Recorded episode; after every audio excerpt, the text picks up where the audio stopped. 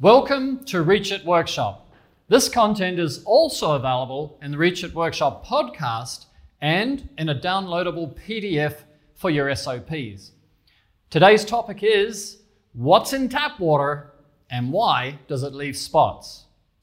When we see water, we usually see it as a transparent liquid. However, when a bead of water dries, it usually leaves a spot. So, why is that? Hidden in water are minerals and chemicals that are dissolved in the water, or in science talk, we say the minerals are in solution. When a water bead evaporates, the minerals and chemicals do not evaporate because they're actually solids, so they stay on the surface as a spot.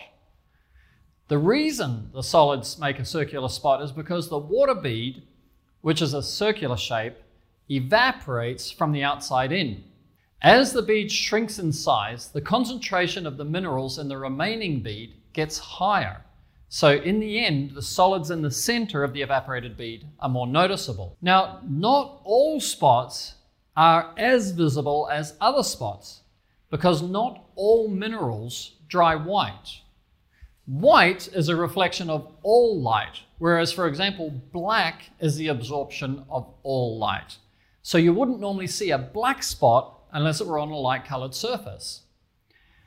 To make it even more interesting, not all tap water leaves the same spots because the amount of minerals in one source of water is not the same as the amount of minerals from another source of water. Water could have a low mineral count if it comes from a lake, or a high mineral count if it comes from an aquifer. That's like a, an underground river that flows through porous rocks. So take the example of when we order a mineral water to drink. San Pellegrino sparkling natural mineral water is sourced from a thermal spring at the foot of a Dolomite mountain in the Orobic Alps in the north of Italy. San Pellegrino has about a thousand parts per million of minerals, which is like 20 times more minerals than we have here in our local tap water. So, now we understand about how minerals make spots. What we want to know is how do we get spot free results? Well, to get spot free results, whether you're cleaning a car, a window, or a solar panel, there's three methods you can use. One, you can significantly reduce the size of the water beads. That's pretty much how a chamois works. Two, you can remove the water from the surface. That's how a squeegee works.